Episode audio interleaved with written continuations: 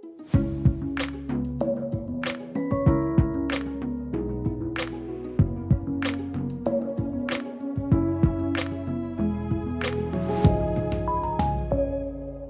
han og kikker på Ja, han står og kikker på. Jeg syns det er litt ubehagelig. Jeg tror vi kjører videre. Det er litt sånn Føler jo det, Vanen er ganske sånn brutal og stor, men heldigvis står det spettfilm på det. Så Ja. Man, man bør jo skjønne at det er noe film, at filmfolk jobber sånn her. Kombinert filmfolk og innbruddstyver. Ja.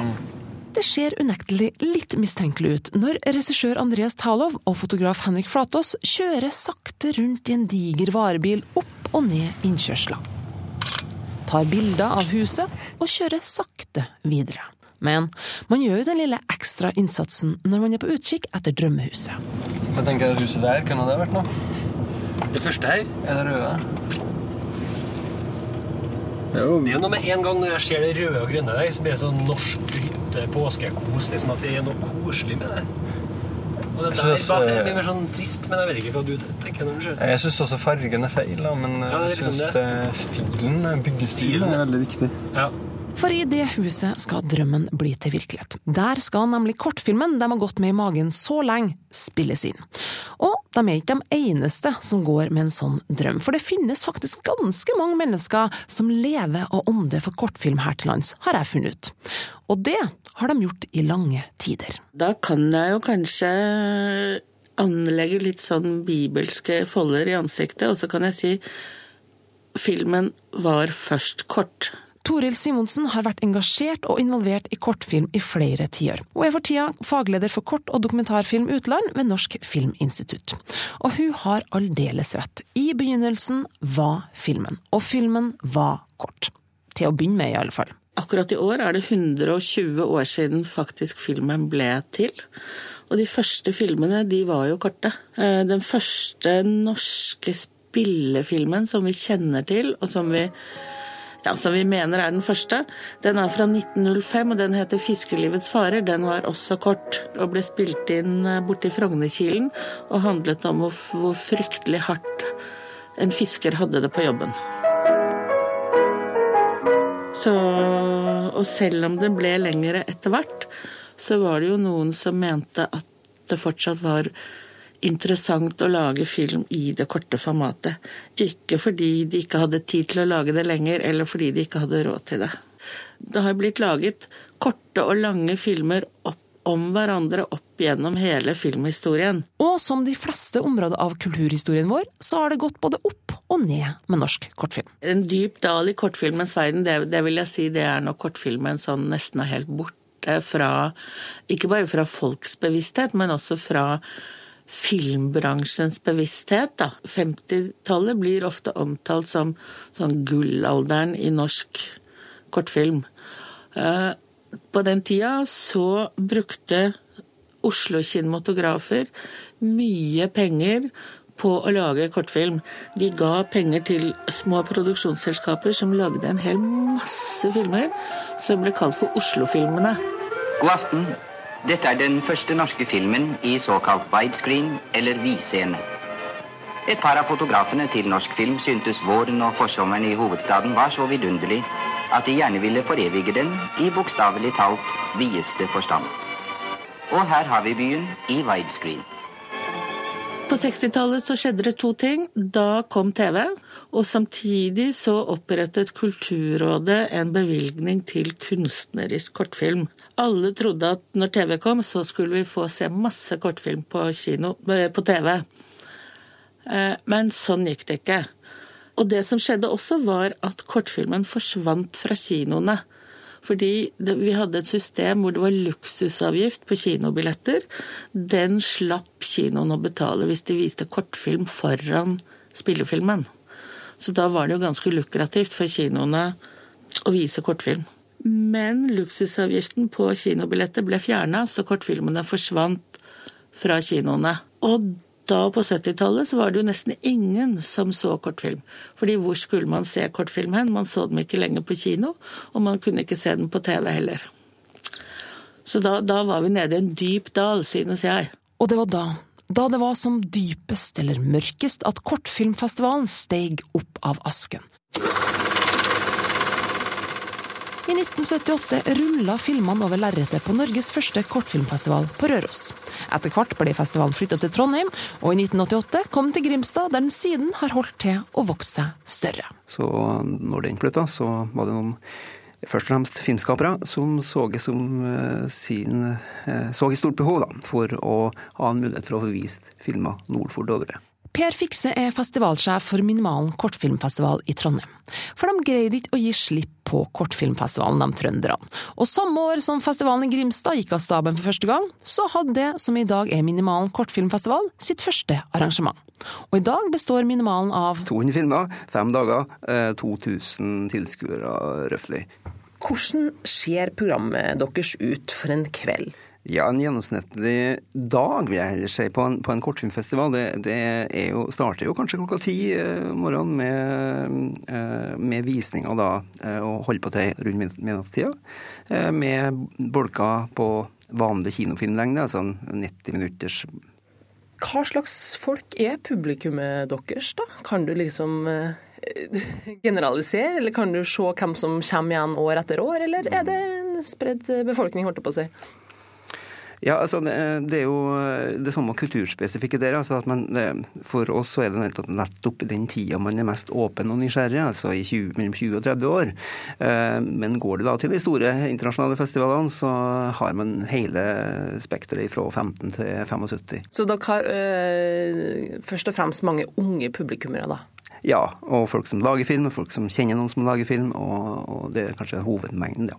Og hvis man tar turen på en kortfilmfestival, er det et bredt utvalg av sjangre som møter deg. Eh, det som er kan si, eh, live action, spillekortfilm, eh, animasjon, tegnefilmer, dokumentar, kortfilmer, over det eksperimentelle eller abstrakte, sånn som man kanskje venter mest å se på et museum i en moderne, radikal kunstuttrykk, eller kombinasjon av de ulike tingene.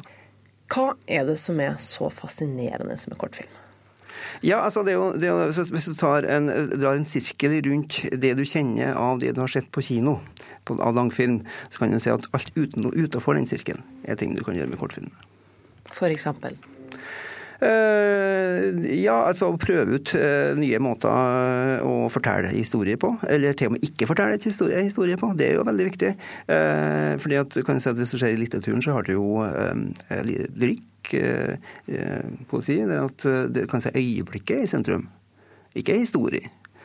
Uh, og der kommer jo kortfilmen virkelig til sin rett. Altså det å ta tak i et, en tilstand, et øyeblikk, og skildre det Eh, og, og, og da, da, er man jo virkelig i nærheten av å skape eh, kunst, da, etter min mening.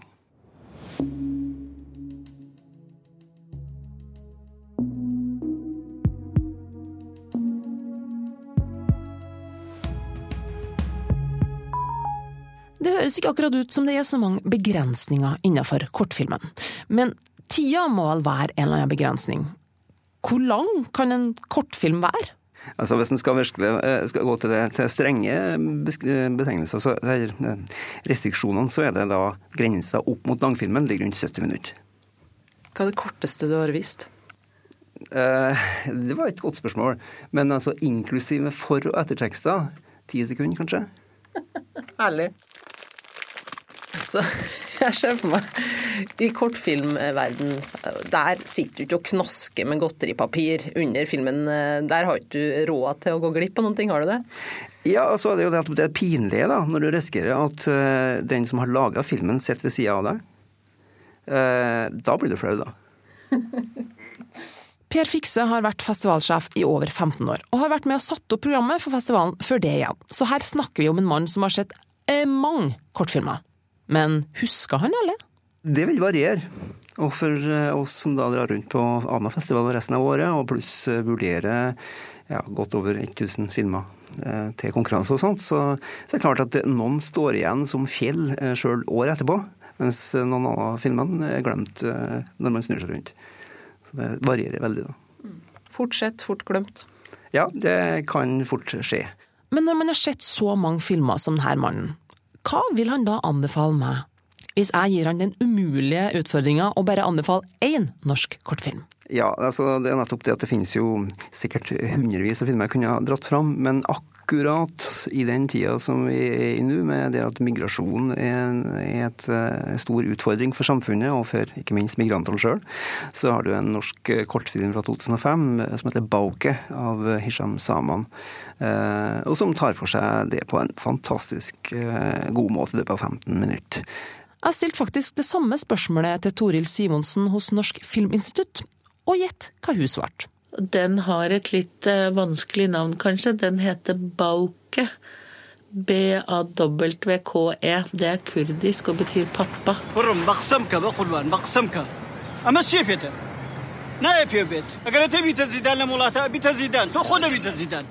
Den filmen handler om en pappa og en sønn som flykter gjennom Europa til Norge. Og når de kommer til Norge, så blir de skilt fra hverandre ved, en, ved, en, ved et lite uhell. Og så blir pappaen Du må ikke fortelle hvordan det går. Jeg skal jo se Nei, den. jeg skal ikke fortelle mer. Ja, du må se den. Vet du hva? Den filmen, den er så fin, og jeg har sett den så mange ganger. Og da jeg så den om igjen for litt siden på Aftenposten TV, da begynte jeg å grine igjen. Enda jeg har sett filmen ca. 50 ganger før, så begynte jeg å grine på nytt da jeg så den, fordi jeg syntes den var så fantastisk.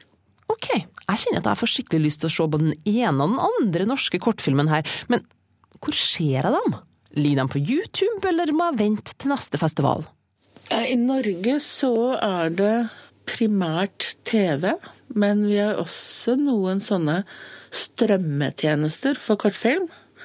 Filmarkivet.no eksempel er en sånn strømmetjeneste for norsk kortfilm og norsk dokumentarfilm, hvor det ligger hundrevis av filmer som er tilgjengelig. Ikke gratis, men mot en enkel betaling.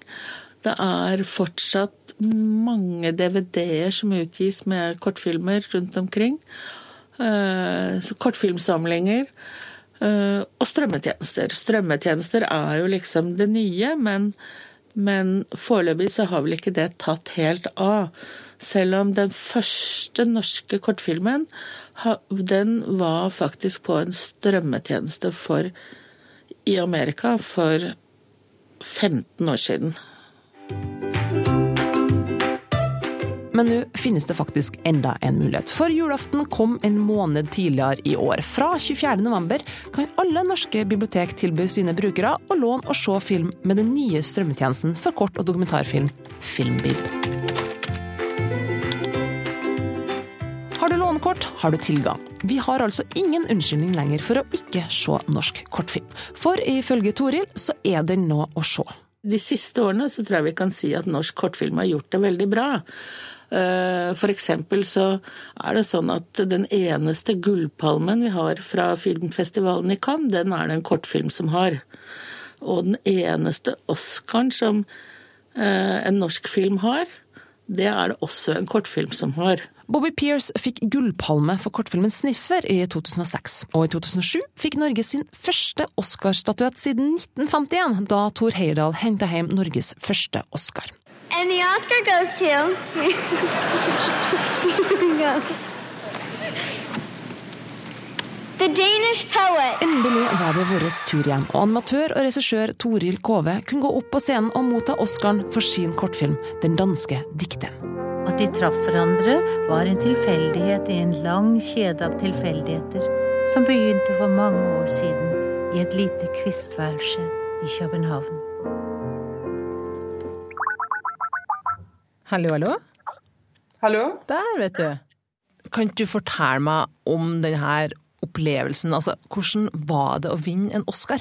Det er jo litt sånn, På mange måter så er det en sånn, litt sånn rar opplevelse. fordi at øh, Kanskje spesielt fordi at øh, animatører lever jo veldig langt utenfor øh, I hvert fall animatører som er i kortfilmbransjen. De lever i en verden som er veldig fjern fra Hollywood og, og Oscar-verdenen. Så det blir på en måte litt som Man er litt sånn på besøk. Um, og det er ikke sånn som hvis man er f.eks. skuespiller eller helaftensfilmregissør, at man, man øh, vinner en sånn pris eller blir nominert til en Oscar, og så blir man på en måte invitert inn i den verdenen, mulig, muligens for å bli. ikke sant? Vi ligger sånn litt utenfor. Så der, og da, hvis man da vinner, så blir det litt sånn øh, surrealistisk, på en måte. Øh, så det er en veldig rar følelse på den måte at man, man, man blir jo veldig glad, og så blir man veldig glad på vegne av de man har jobbet sammen med. Og så, og så får man et litt sånn adrenalinrush som varer en, en god stund. Og så og så, sånn etter hvert så må man jo bare tilbake til dagliglivet, ikke sant. Hvorfor akkurat kortfilm? Altså, hva er det med dette formatet som du trives så godt i? Ja, sånn, sånn, På spøk så jeg, jeg, sier jeg ofte at det er fordi at jeg, jeg, ideene mine varer aldri mer enn 15 minutter. Så jeg har aldri skrevet noe som egentlig kunne vare stort lenger enn det. Så, så, det, er, uh, så det er kanskje det Jeg vet ikke, jeg tror det er, sånn rom for um, det er, for, det, er litt sånn poesi, på en måte. At du, du skal pakke pakke noe som er viktig for deg, eller noe du, som betyr mye for deg, eller noe du brenner for, skal du da pakke inn i noe som skal passe inn i et kortfilmformat, da, som, som, som, ikke bør gå så veldig mye over 15-20 minutter. Ikke sant? Da er det ikke kortfilm lenger, i hvert fall ikke animasjon. Så det er noe med, med, de, uh, med den begrensningen da, som på en måte er inspirerende, fordi at du vet at du må, du må jobbe innenfor det. Toril er kanskje vår mest vellykka og kjente kortfilmskaper, med én Oscar og til sammen tre Oscar-nominasjoner, pluss en haug av andre priser. Men når man lykkes så godt, så kan man jo kanskje leve av å lage kortfilmer? Jeg vil si litt sånn både ja og nei. Um, jeg tror nok at de aller fleste kortfilmskapere også gjør andre ting eh, i tillegg til kortfilm. Det er mange som jobber i animasjonskortfilm, som også lager, eh, som jobber med illustrasjon. Og så jobber man litt på andres uh, prosjekter, og så underviser man litt. Og um, at uh, det er uh, Jeg vil ikke si at nei, det går ikke, men jeg vil si at jeg tror det er vanskelig å leve av bare det. Da skal man lage veldig mange kortfilmer sånn den ene etter den andre. sånn uten, uten opphold mitt innimellom. Mm. Ja. Det er litt sånn det er. Og det, og det, er vel også kanskje årsaken til at det er eh, at kortfilm, at det er mange unge mennesker i kortfilm. At man uh, har litt bedre råd til å leve sånn når man er ung enn man, man, man er blitt mer, mer, voksen eller mer etablert med familie og barn og sånne ting. Det er kanskje ikke så enkelt å være kortfilmregissør, men hva med kortfilmfestivalene? Overlever de på billettinntekter, eller får de statsstøtte kasta etter seg? Eh, kastinga den tror jeg vi kan se langt etter, men, eh, men altså, det er jo en, en, en, en, bland, en kombinasjon av eh, kommunal støtte, fylkesfylke og ja, det Film- og kinofondet som det går over til NFI. Da. Eh, kombinert med billettsalg og, og, sånne ting. Når det er kortfilmfestivalene, og ikke de som lager filmene som tjener penger på billettsalg, hvordan får man det da til å gå rundt som kortfilmskaper? Ja, Når du har laget en kortfilm, så kan du da prøve å selge den til en TV-stasjon, f.eks. NRK, eller til SVT i Sverige, eller til en kanal et eller annet sted i utlandet. Så kan du utgi den på DVD. Det blir det jo mindre og mindre av. Eh, og så kan du selge den til en sånn strømmetjeneste. Eh, det får du jo litt penger for. Eh, og det er vel stort sett det som er inntektsmulighetene.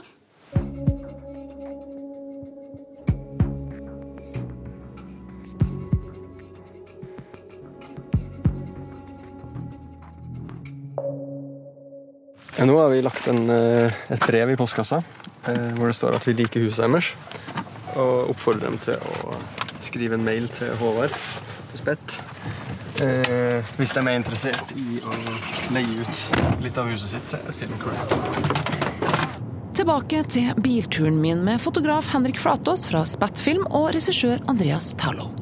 De har farta Nord- og Sør-Trøndelag rundt på sin jakt etter de perfekte skuespillerne, den perfekte bygda og ikke minst det perfekte huset til kortfilmen de skal starte å filme høsten 2016.